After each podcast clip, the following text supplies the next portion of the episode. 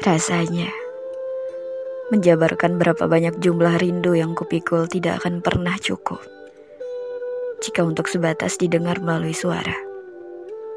Tapi setidaknya aku berhasil menangguhkan menjadi sebuah tulisan yang tak pernah lelah ku tegaskan bahwa ini hanya tentangmu Tuhan.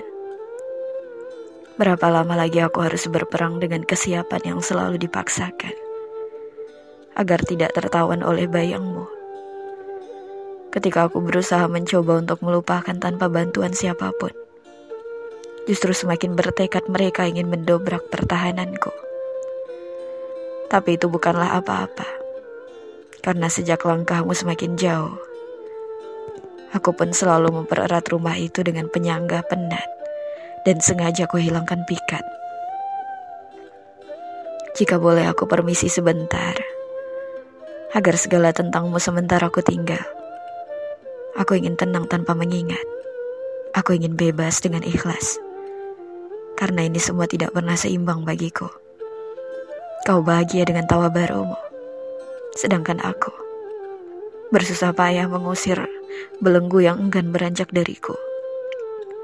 Sampai-sampai dalam sepiku malam itu. Tanpa permisi kau menghampiriku melalui jalur yang tidak pernah kita sepakati.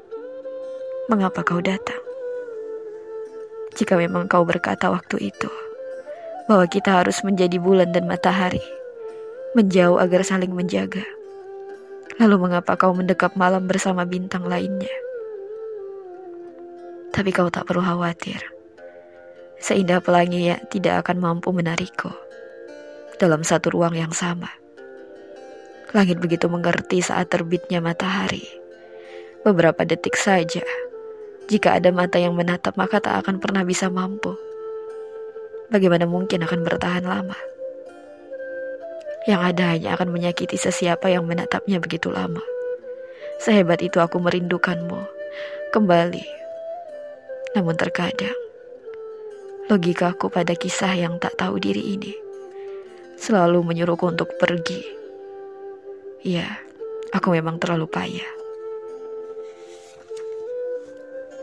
Terkadang hatiku teramat bodoh dalam menyadari.